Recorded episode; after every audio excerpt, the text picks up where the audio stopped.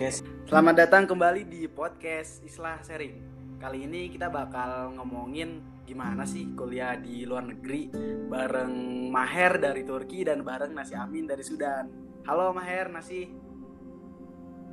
Halo Kakak Khoto. Halo. Coba dong sapa teman-teman Islah 22 pakai bahasa negara rantau kalian masing-masing. Sudan dulu dah, Sudan dulu, Sudan, Sudan dulu coba gimana Sudan dulu. Ya, Maksudnya gimana nih? apa gitu. Pakai bahasa Amia.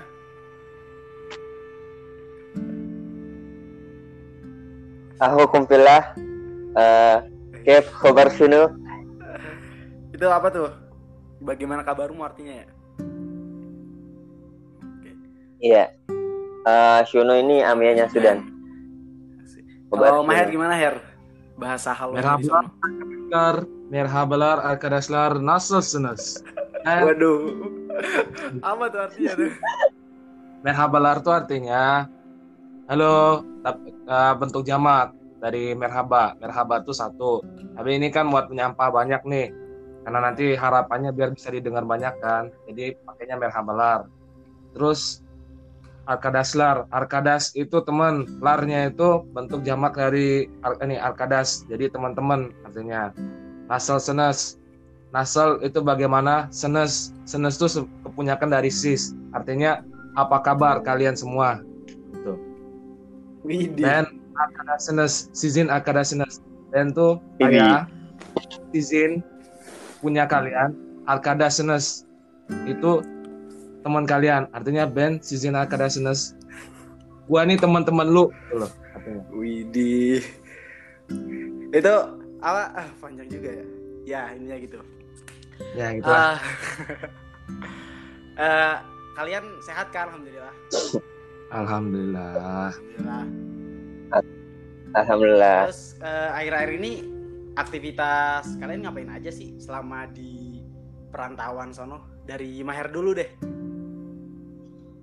Ya akhir-akhir ini kuliah online ya pertama. Terus yang kedua ini kan di kita kan ada permit residensi izin Apa tuh? tempat tinggal izin tempat Oh. tinggal namanya ikamet.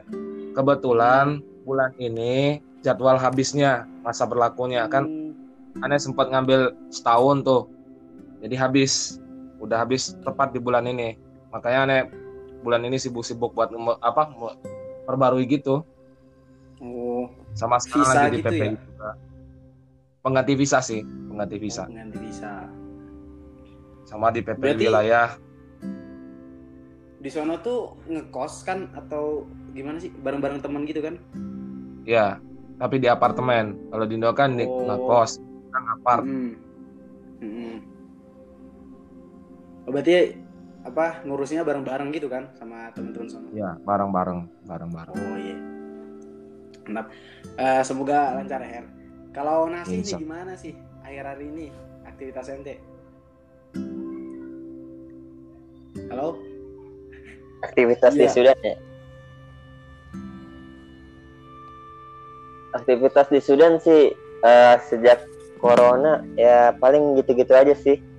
Kan eh, sejaknya corona apa namanya kayak kajian-kajian pada juga tutup Hmm. ya mungkin. Jadi mungkin ada yang kajian online gitu juga lewat Zoom dan mungkin ada yang fokus juga di Quran juga ada di sini. Dan kebanyakan sih di sini yang yang yang apa namanya yang kayak mahasiswa-mahasiswa kita gini kayaknya lebih kajian online sih. Dan kalau misalnya ada juga mungkin fokus Quran di rumahnya masing-masing. Kalau aneh sih, kalau aneh sendiri lebih ke fokus organisasi ya. Kebetulan aneh masuk masuk Hmm. BEM di sini BEM IWA jadi kayak fokus di situ kebetulan alhamdulillah juga di bagian Deminfo jadi ngurusin dem seputar informasi-informasi di mahasiswa Indonesia Oh. paling gitu Just. Eh, Sudan sama Turki itu nggak termasuk ke 59 negara yang blacklist Indonesia kan ya? Enggak, enggak. Kemarin enggak enggak kemarin Enggak, ada enggak, cerita sih Turki sempat di Gimana ini tuh? hoax, hoax gitu. Oh, Kalau sempat ngelarang katanya termasuk dari 59 negara negara yang larang Indonesia gitu.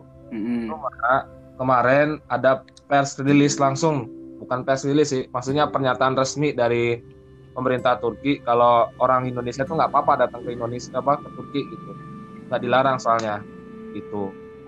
Baru-baru ini kok.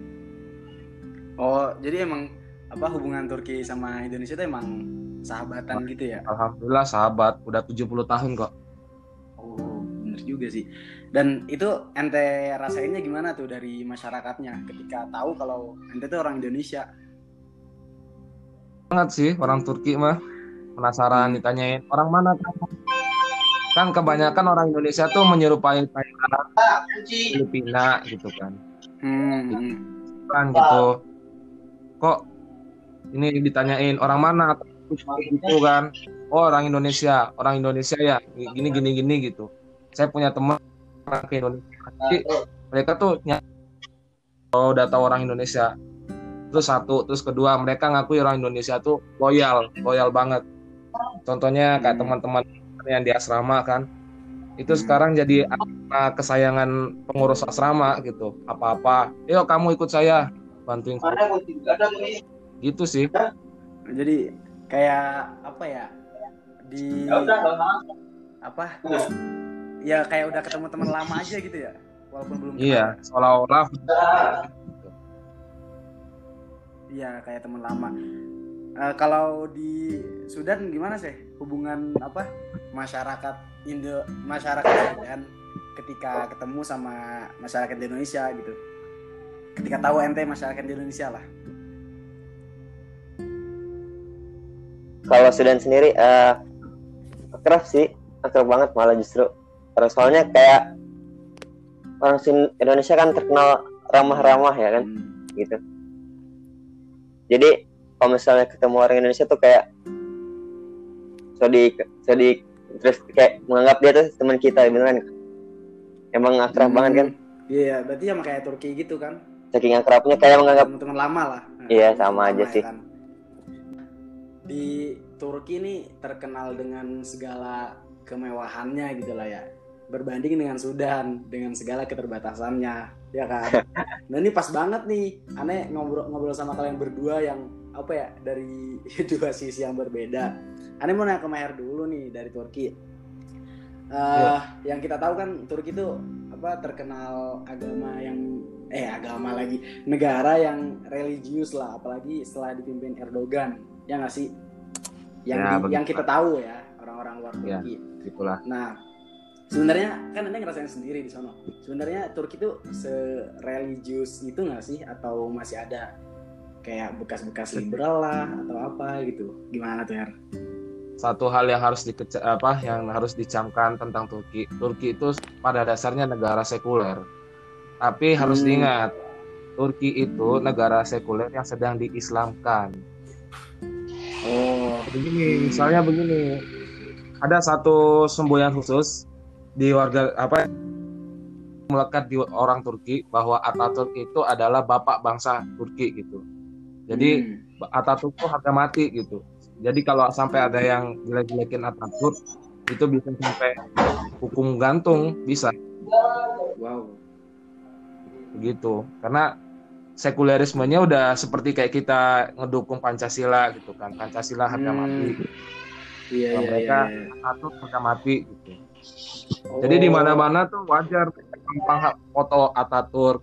Sampai bahkan ada lagu khusus itu isinya puja-puja eh, puja-pujian tentang ini keberhasilan Atatürk dalam memimpin perang. Terus cerita Hmm. bahwa akhir hayatnya itu walaupun ditolak bumi ya kalau di Indonesia kan, tapi di- dianggapnya tempat yang paling mulia di antara bukit-bukit marmer yang dipilih Hmm. dipilih gitu. Hmm. Jadi itu salah satu jejak-jejak sekulerisme yang masih kelihatan sampai hari ini. Hmm. Walaupun memang Erdogan dikenal sukses ya bawa Turki dengan wajah baru gitu.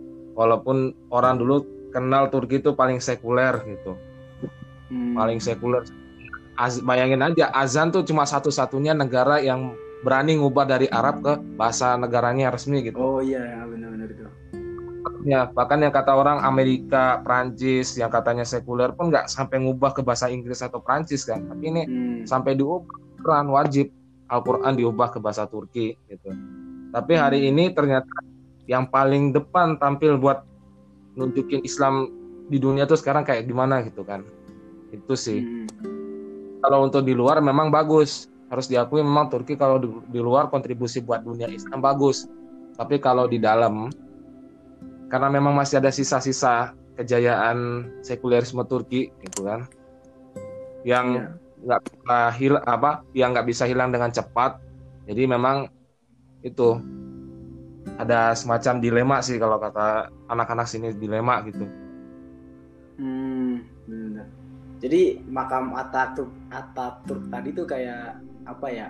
Diziarahin terus gitu lah ya. iya jadi salah satu destinasi wajib Hmm.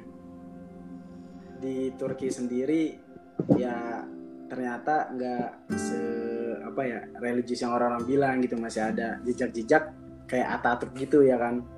iya masih memang ada beberapa daerah misalnya kayak yang katanya sholat subuh itu memang nggak semuanya yang subuh Hmm. rame Oh tapi iya, itu pun nggak setiap saat Hmm. mungkin hanya saat-saat perayaan tertentu terus kayak kemarin itu kan Ayah Sofia yang pas waktu Oh, iya. Jumat pertama tuh kan rame banget tuh Hmm, sampai bener itu. kalau dibilang kayak pulang lebaran gitulah mudik itu rame Hmm. banget itu padahal di sini lagi corona tapi rame banget Istanbul tuh Hmm, hmm. Oh, itu nggak setiap saat pokoknya Berarti Ag- apa Hagia Sophia itu udah fungsinya jadi masjid sekarang ya kan? udah sampai sekarang Udah, hari ini sekarang. kemarin kan pas itu sempet sholat tuh puas banget tuh kan di Ayah Sofia tuh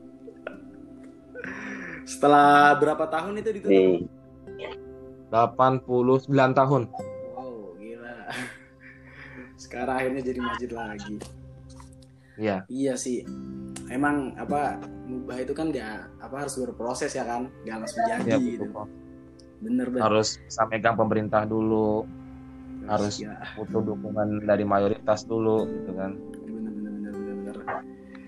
Kalau eh, ente sendiri nih sih di Sudan, ya kan eh, dengan segala keterbatasannya tadi ya Nah. kan, sampai ada pepatah yang bilang man asya fi Sudan asya fi kulli makan. Barang siapa yang bisa hidup di Sudan, dia bisa hidup di seluruh tempat gitu. Jadi saking apa ya, saking prihatinnya, saking susahnya di Sudan, kalau dia bisa bertahan hidup di sono, dia bisa bertahan hidup di mana pun. Itu eh, yang ente rasain sekarang bener nggak sih pepatah itu? Maksudnya emang seset itu Sudan gitu. eh bentar ya, mungkin eh Dia cerita aja cerita kali. aja kayak Maher tadi. Kena mungkin kalau misalnya pasti bisa sih kalau antum hidup di Eh, Sudan bisa. Cuman masalah sabar atau enggaknya antum bisa itu enggak gitu. Hadapin ke Sudan ini. Karena ah, lingkungan Sudan tuh emang bener-bener ngajarin hmm. sabar gitu. Di mana aja pasti sabar Hmm. gitu. Mulai dari contoh administrasi Sudan ya. Hmm. Administrasi Sudan sendiri masih ngantri kayak kayak, kayak istilahnya kayak kita balik ke zaman 90 lagi lah. Masih ngantri dulu gitu. Terus itunya masih Oh, bukan online malah maksud masih berkas-berkasnya masih- langsung ke sana gitu ya. masih inilah masih Iya. Iya harus ke sana dulu. Ribet. Pokoknya ngantri lama terus ya sampai tebruk-tebrukan dulu ngantri dulu. Kalau misalnya mau naik ekonomi eh mau naik transportasi di sini, transportasi sini tuh semacam Hmm. elf ya. Enggak sama bajai Hmm. di sini. Jadi kayak masih kayak zaman dulu banget lah pokoknya kalau misalnya ente ke sini tuh.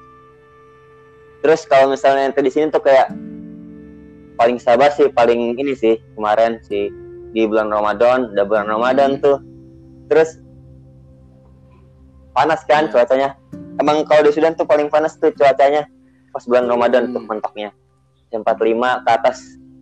Mentoknya 48 49 udah mentok itu. Dan di kondisi cuaca panas gitu Sudan mati lampu gitu kan? Nggak kebayangkan gimana? Coba anda merasakan. Kalau itu sih yang paling parah. dan Sudan Aku sih denger tuh mati lampu digilir gitu ya kan? Hmm. Sampai setiap hari gitu. nah hari iya mati lampu.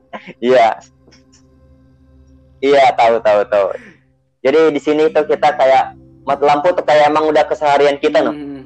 Pasti ada mati lampu. Nah misalnya kalau misalnya kita hari ini mati, misal contoh kalau di Sudan tuh matinya giliran gini nih, eh, mati pagi atau enggak mati malam gitu. Kalau misalnya ente mati pagi, berarti mati malam enggak gitu. Nah pernah waktu suatu saat waktu itu aneh eh, di rumah, eh sekarang jadwal mati pagi ya. Udah biasa nih kayak udah ngobrol sama mati pagi ya, kita mati pagi ya, mati pagi. Terus kita bilang iya mati pagi, mati pagi. Terus habis itu jam satu siang kok mati? Nah, udah mati, baru matinya jam satu siang nih. Oh, kok mungkin kan harusnya waktunya mati pagi berarti Hmm. jam 6 jam 7 lah udah mati. Udah siap-siap no kita biasanya udah ngecas gitu, powerbank dan lain-lain. Kalau misalnya mati ya udah nikmatin aja nggak ada apa gitu. Tidur tiduran, panas gitu kan. Ya udah nikmatin. itu mati lampunya Terus kalau misalnya semuanya kan semua semua warga Iya, semua semua nggak tahu sih semua ada warga atau enggak tapi daerah Hortom mati sih Hmm. karena digilir digilir. Hmm. Dan kalau kalian tahu nih, kalian yang dengerin tahu, nasi Amin buat rekaman ini pun harus pakai VPN. Ya. Nah iya benar. Itu kenapa tuh? Jadi ne- negara Sudan ini tuh apa ya kayak masih diblok diblokir ya kan ini aksesnya juga dari soalnya negara Sudan ini dulu apa ya memboikot produk Amerika dan sebagainya sejak zaman Bashir yang membuat Sudan kuat itu Hmm. itu karena Sudan memboikot mereka gitu semua gitu Hmm, iya, iya. Produk-produknya. Bahkan mall aja di Khartoum cuma satu. Loh. Mall. Khartoum di kota Khartoum aja cuma satu.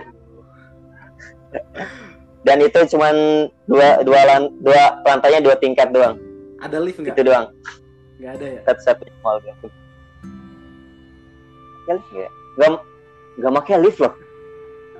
Nggak pakai lift terus. Dan eskalatornya mati eskalator ada cuma mati bayangin Wah, saking Sudan emang banget. harus bertahan hidup di sana ya. Kayak zaman dulu lagi. emang ya kalau niat nyari Ilmu, ilmu di sini sih banyak emang. Cuman kalau misalnya nyari hiburan sih janganlah di Sudan. Apalagi nyari istri. Kalau Mesir bisa, Sudan enggak. nyari istri bisa loh dari mahasiswa Oh. Indo. Eh, bisa sih kalau itu bisa. Bisa kalau itu. Iya. Soalnya speaker gitu, sama-sama sabar. Bener juga ya. Jadi kesabarannya udah teruji lah. Iya. Hmm, Orang-orang ma- alumni Madinah aja nyarinya antara Sudan sama Mesir kan. Iya, bisa bisa tuh bisa. Ya itu cerita struggle-nya ente lah di Sudan ya kan. Dengan segala keterbatasannya, Ah, dengan segala perjuangannya. Dan iya. kalau aneh ke Meher nih, kalau ente Her, Ya. ah, pasti ada dong cerita struggle kayak nasi amin gitu, walaupun dari sudut pandang yang berbeda gitu. Struggle-nya di Turki itu gimana tuh? Coba dong cerita. gitu. Kita nih kalau kalau struggle ini ya banyak juga nih cerita nih. Aneh Hmm, pernah gimana tuh? ham masuk pengadilan, pernah gara-gara Wah. ditipu gitu pernah. Pernah tuh. Serius?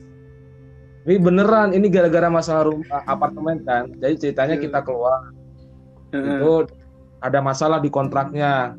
Kita udah bayar tapi dianggap belum bayar. Padahal kita tuh Hmm. udah di Turki itu ada sistem pembayaran di awal tuh ada tiga. Biasanya kalau Hmm. untuk maklar apartemen itu ada tiga komisi, Hmm. biaya apartemen awal, sama Hmm. deposit. Deposit itu buat ini tabungan buat barang-barang ini kan barang-barang kan bukan bukan punya kita nih, furniture-nya kan bukan Hmm. punya kita. Iya. Sebagai gantinya ya ini ada deposit. Nanti kalau ada kerusakan diambil dari deposit itu. Nah ceritanya Hmm. kita nih pas mau keluar dibilangnya kita nih belum bayar deposit. Udah dipaksa-paksa, akhirnya tiba-tiba maklarnya nih ngeluarin surat kertas. Pikir kita tuh kwitansi. Kalau di Indonesia modelnya kayak kwitansi, tapi kata dia Iya. kalau kita nggak bayar ini akan saya bawa ke pengadilan. Wow. Karena di sini gampang orang Turki itu bukan ngejelekin ya, tapi kalau orang Turki Hmm. itu gini, lebih mendahulukan orang Turki daripada orang asing. Gitu. Hmm. Iya, Begitu. iya. Solidaritas gitu lah ya. Turki, ya udah orang Turki, tapi kalau orang asing nanti dulu deh, kalau masih ada orang Turki, orang Turki dulu gitu.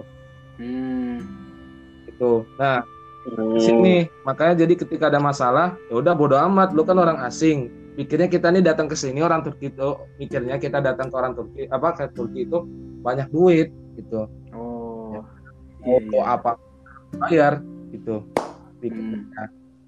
Akhirnya ya udah mau nggak mau kita tanda tangan soalnya kita nggak bisa keluar tuh nggak bisa keluar kan beberapa hari berikutnya kita kampus dan ah- alhamdulillah ada dicabut sih jadi memang ya di Turki itu walaupun memang mewah tapi harus perlu diingat Hmm. mewah itu memang benar mewah tapi harus diingat orang Turki itu kalau udah urusan masalah duit nggak pandang Hmm. nggak pandang siapa itu siapa orangnya Hmm. itu sih kalau orang Turki Jadi nggak ada belas kasihan lah ya. ada bela- belas kasihan ada tapi kalau udah Ada. duit yang berbicara maksudnya berubah di duit. Ah iya iya iya benar-benar. Dan itu tapi nggak sampai pengadilan kan ya?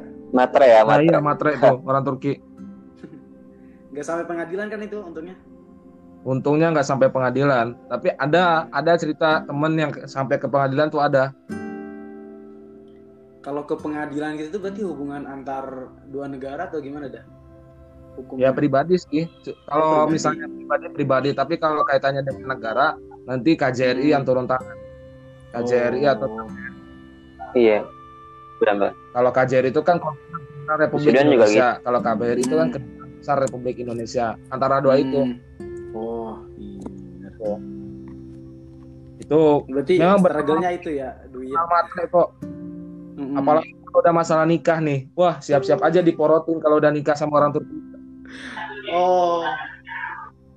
Iya iya iya. Kayak diceritain Habibur Rahman. Ngotop. Buat siap-siap aja.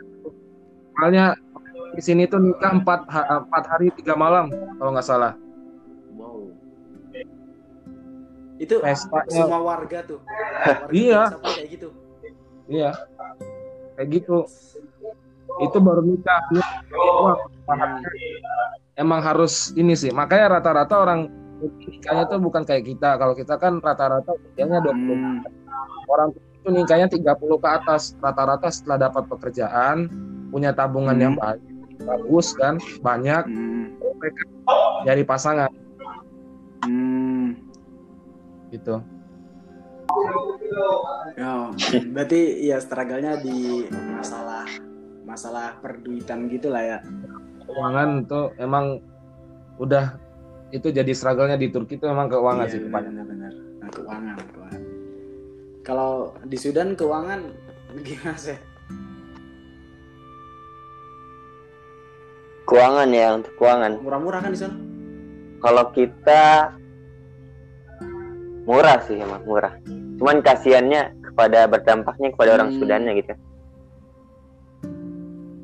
Karena akhir-akhir ini dolar di sini tuh naik terus gitu Iya, kan. iya. Lebihin Indonesia sekarang kayak. Oh. Waktu awalannya ke sini eh, dolar tuh masih 6000 kalau nggak salah kursnya, Hmm. tuker.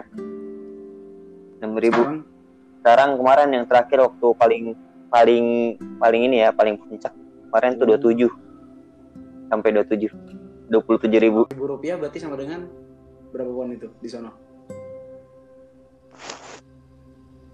hmm, nggak tahu itu Tapi ya kita jadi ngitungnya per oh, dolar tapi murah berarti kan soalnya kalau dibanding. Nah, murah sih kalau misalnya hitungan ini ya hmm, ya cuman tadi jadinya kayak orang Sudan tuh kayak ke kita juga ah, nggak enak lah dia juga nambahin Hmm. terus kan jadi berdampak juga sih sebenarnya Oh, iya. ke mahasiswa karena kan ah, masalahnya lagi Hmm, covid juga iya, kan itu. kita ah.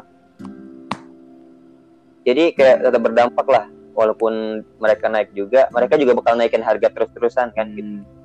jadi kayak nggak stabil harga di pasarnya juga yang berdampak juga ke mahasiswa yang khususnya sih lebihnya lagi buat yang orang mahasiswa yang sedang bisnis gitu kan kayak jualan Hmm.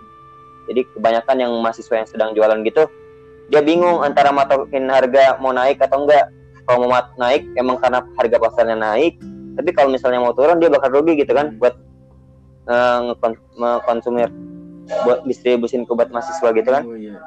jadi kayak bingung jadi harga pasaran naik tapi sedangkan mahasiswa pengennya kok mahal gitu antara rugi atau enggak jadinya Iya, gitu ya. Nah, sedangkan eh, uniknya di Sudan ini ada bedanya atau kalau orang orang kan kalau biasanya eh, di di di yang tempat-tempat lain kayak Singapura, Hmm. Turki mungkin juga kalau transfer mungkin lihat bisa Visa card, Mastercard Hmm. gitu bisa kan bisa bisa Sudan Oh, ini iya. nggak bisa jadi dia transfernya ada jasa sendiri jadi di Sudan ini ada namanya emang forum jual beli Sudan nah isinya tuh orang Indonesia semua Hmm. Hmm. grup. Nah, nah di situ ada yang ada yang jual jasa transfer, jasa gimana caranya? Jadi dia eh, buka jasa transfernya dari Indo, noh. ngirimnya ke rekening Indo. Nanti kayak ngolah uang gitu gitu. Hmm. Gimana caranya? Kalau misalnya rekening di Indo ini habis, otomatis dia buka Sudan, Indo Sudan, Hmm. buka transfer Hmm. gitu.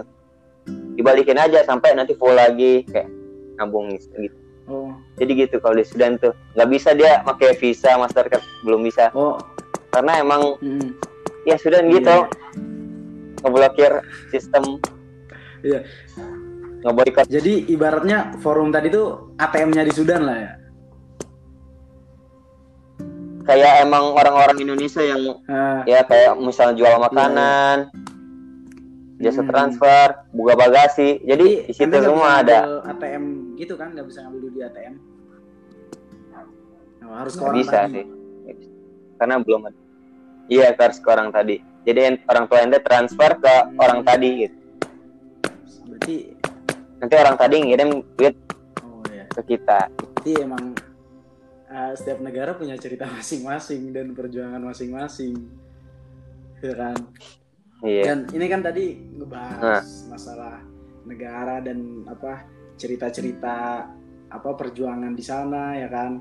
Dan sekarang kita lompat ke masalah aktivitas yang pas di Indonesia nggak pernah dilakuin, tapi ketika udah di luar negeri ente sering ngelakuin itu. Bolehlah aktivitas-aktivitas misalnya sekali seminggu atau bahkan jadi rutin rutinitas harian gitu. Ada nggak sih yang beda gitu dari yang sebelumnya gitu? Ketika di Indonesia nggak pernah ada yang kayak gitu tuh. Dari Maher dulu. Kalau dulu sih bukan maksudnya kalau pas suatu sebelum keluar pondok sih nggak pernah ya, hampir nggak pernah. Hmm. Tapi setelah keluar pondok tuh pernah sekali, sekali lah ke kafe. Cuma kalau sampai di Turki ini karena kafe banyak ya, jadi sering gitu. oh iya Dan wifi itu gratis. Yang namanya Hmm. wifi itu di kafe itu pertama gratis, terus yang kedua kenceng. Jadi Hmm. harus sering-sering ke ke kamp- apa ke kafe gitu. Kalau keluar rumah. Hmm. Soalnya kalau kalau mau beli paket kan ya mikir-mikir duit gitu. Mending Oh, iya, ke apa ke kafe paling beli teh gitu kan. Hmm. Teh paling cuma berapa dua setengah lira gitu. Dua setengah lira. Hmm. Udah bisa aja tuh ber- berjam-jam di kafe internetan atau Hmm. nongkrong-nongkrong sambil main HP kan.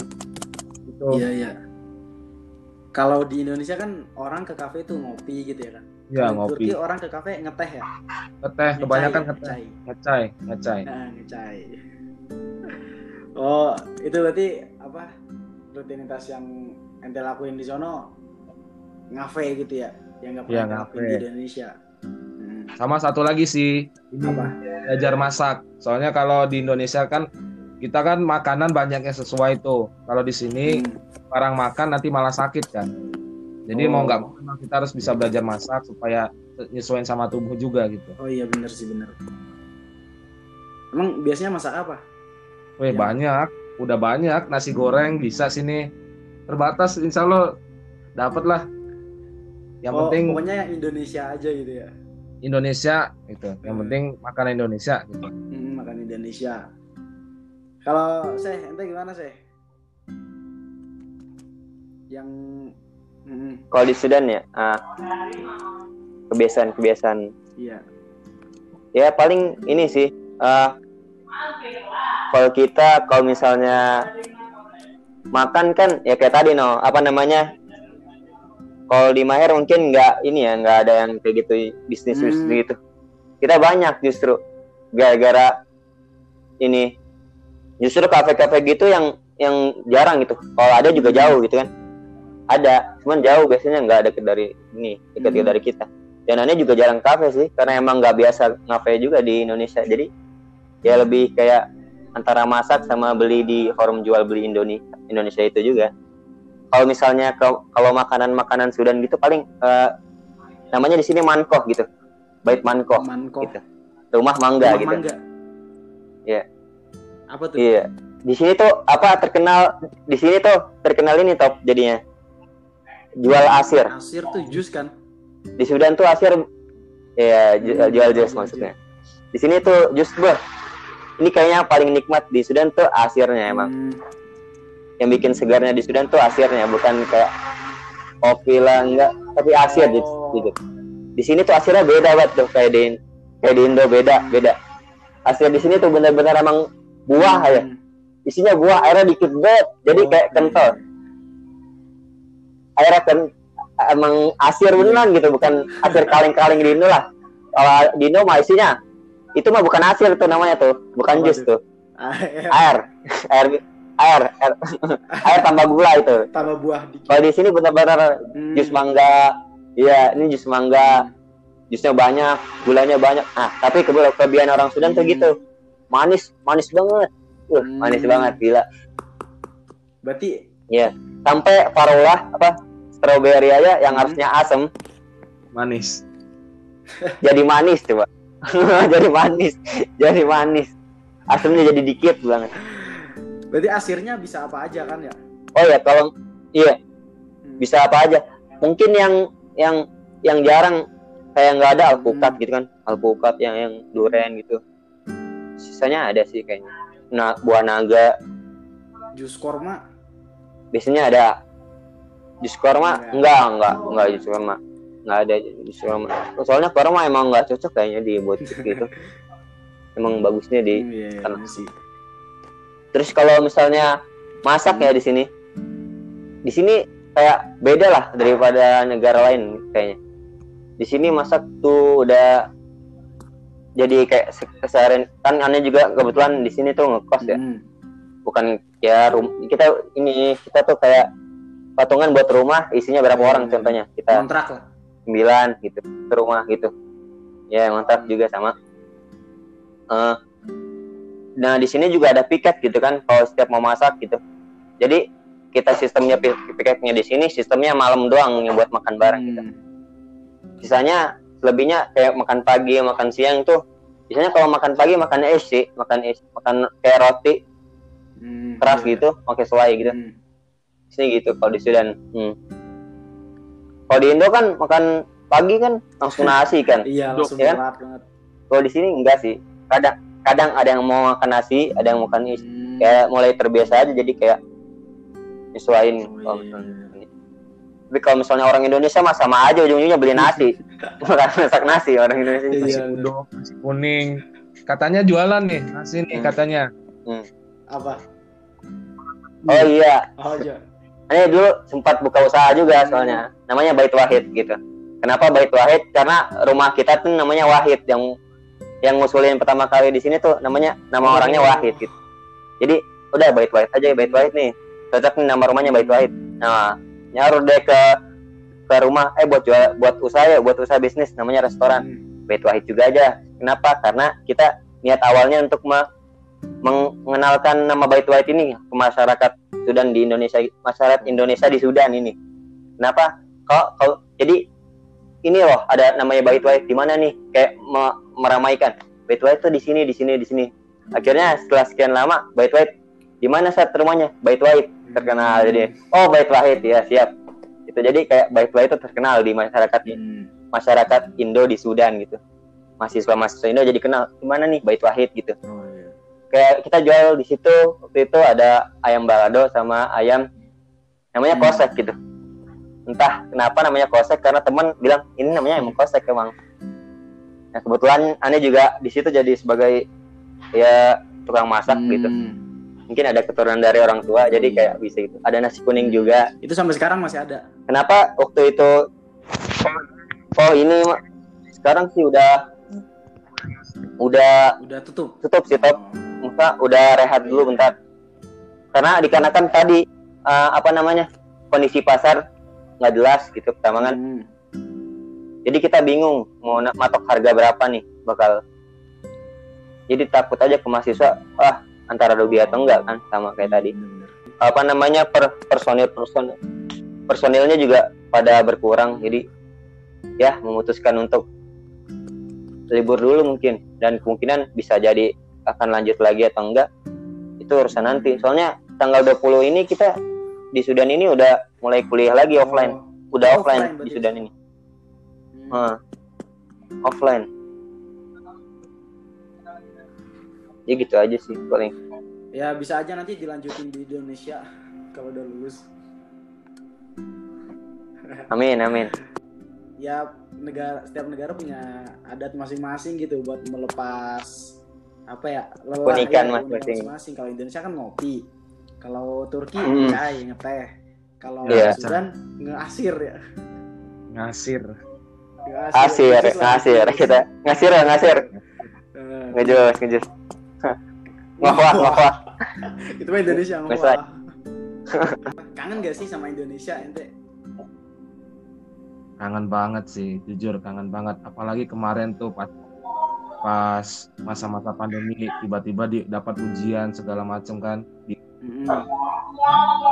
yang kita yang di perantau tuh pasti ada selalu da- ada gitu. Kemarin dapat musibah, ditambah lagi kangen-kangennya gitu kan. Tapi memang semakin ke sini tuh rasa eh, apa rasa kangennya tuh eh, semakin kuat tapi kepengen eh, apa rasa pengen pulangnya tuh lebih enggak gitu loh Hmm. oh gitu kayak Hmm. apa kayak sayang udah sini kalau bentar-bentar pulang kan bentar-bentar pulang habisin banyak duit tenaga juga ya banyak capek gitu kan waktu juga banyak kebuang ya Hmm. kayaknya nanti kalau udah kalau udah dirasa puas atau sukses gitu kan baru bener-bener pulang ya Hmm. walaupun bakal pulang sih tapi nggak nggak lama ya Hmm. sekedar pulang gitu sekedar pulang bentar gitu kan Hmm. ngumpul-ngumpul balik lagi Hmm. Ya, baru kalau udah sukses banget baru pulang gitu kan Hmm, amin amin. Atau pulangnya nanti aja pas mau lamar gitu. nah Kayak yang kemarin itu baru. ini ya Siapa tuh? kasih Trido oh iya iya sih tapi itu belum selesai itu dia belum selesai Oh, belum oh iya. Balik, Balik lagi, lagi ya, kan Kak. juga. Berki. balik lagi sekarang Seh, kalau ente sendiri gimana seh? Oi. Kangen enggak ya? Hmm, Kangen sih, kangen banget sih. Sama Hmm. keluarga lah. Tapi ada yang membuat walaupun kangen gitu tetap aja kayak betah di Hmm, Sudan iya, gitu. Justru yang membuat kayak gini-gini yang membuat kita Hmm. betah gitu kan. Jadi kayak terbiasa aja di Sudan gitu. Jadi kalau misalnya di Indonesia kita ketika, ketika kita pulang nanti kayak ah biasa aja lah di Sudan kayak lebih Wah. lebih parah kok. Maksudnya ngantri gitu masa udah Hmm. biasa gitu kan. Apalagi di Indonesia ngantrinya biasa Hmm. aja gitu kan. Bisa online, bisa Hmm. cek order gitu. Tapi kalau misalnya pulang ke Indonesia jadi kayak justru malah berpikir lagi untuk pulang atau enggaknya ya kalau kita sendiri ya. Kenapa? Karena aneh sendiri mikir kenapa harus pulang gitu. Apa yang harus pulang kalau misalnya nggak penting banget gitu kan. Karena kalau aneh sendiri berpikir ketika aneh pulang nanti apa gitu yang aneh bawa gitu. Emang udah siap gitu nanti kalau misalnya ditanya masyarakat gitu. Justru itu yang membuat aneh takut untuk kadang berpikir lagi untuk pulang atau enggak. sih Matengin dulu di sono gitu ya. Kalau misal Hmm. Hmm, hmm, jadi kayak ah belum dapat apa-apa nih. Maksudnya belum masih belum cukup lah buat masyarakat nanti gimana gitu kan. Ya udah, kalau nggak penting-penting amat mah nggak usah pulang lah di Sudan juga enak kok. Sih. Walaupun emang nggak ada apa-apa sih di Sudan, cuman kalau misalnya ente udah di Sudan sih, aneh yakin sih Nyaman. lama-lama ente bakal sendiri. Iya. Nyaman lah, nyaman serius. Malah ada orang yang nggak milih dia ah ngapain daftar Madinah Sudan juga enak udah enak kan gitu daripada dan enak Hmm. Berarti bener ya pepatah yang man asyafi sudan asyafi kolimakan. hmm, bisa benar bener. bisa enggak juga sih tergantung orang tergantung orang Bener, bener. Sip lah, berarti semua punya cara berjuang masing-masing dan semua punya tempat nyaman masing-masing ya kan. Tinggal kita mau Hmm. ngeliatnya dari sudut pandang yang mana. Oke, makasih Maher, makasih Nase udah nyempetin waktu Oh, buat sama-sama. Cerita-cerita. Teşekkür, teşekkürler. Ya. Kalau kata orang Turki, teşekkürler. Apa tuh? Terima kasih Oh banyak. iya, sekuler. terima kasih banyak Kalau di Sudan. ya. saya seku sekuler sekuler saya sekuler ya. ya, makasih udah nyempetin waktu. Di sana jam berapa berarti sekarang? syukron kasir Turki 949. Di di Sudan? Di Sudan 849 beda sejam kita sama Iya, Turki di Indonesia jam 1 siang jam 1.49 ya. Oke, makasih udah mau cerita-cerita sama Hmm. kita.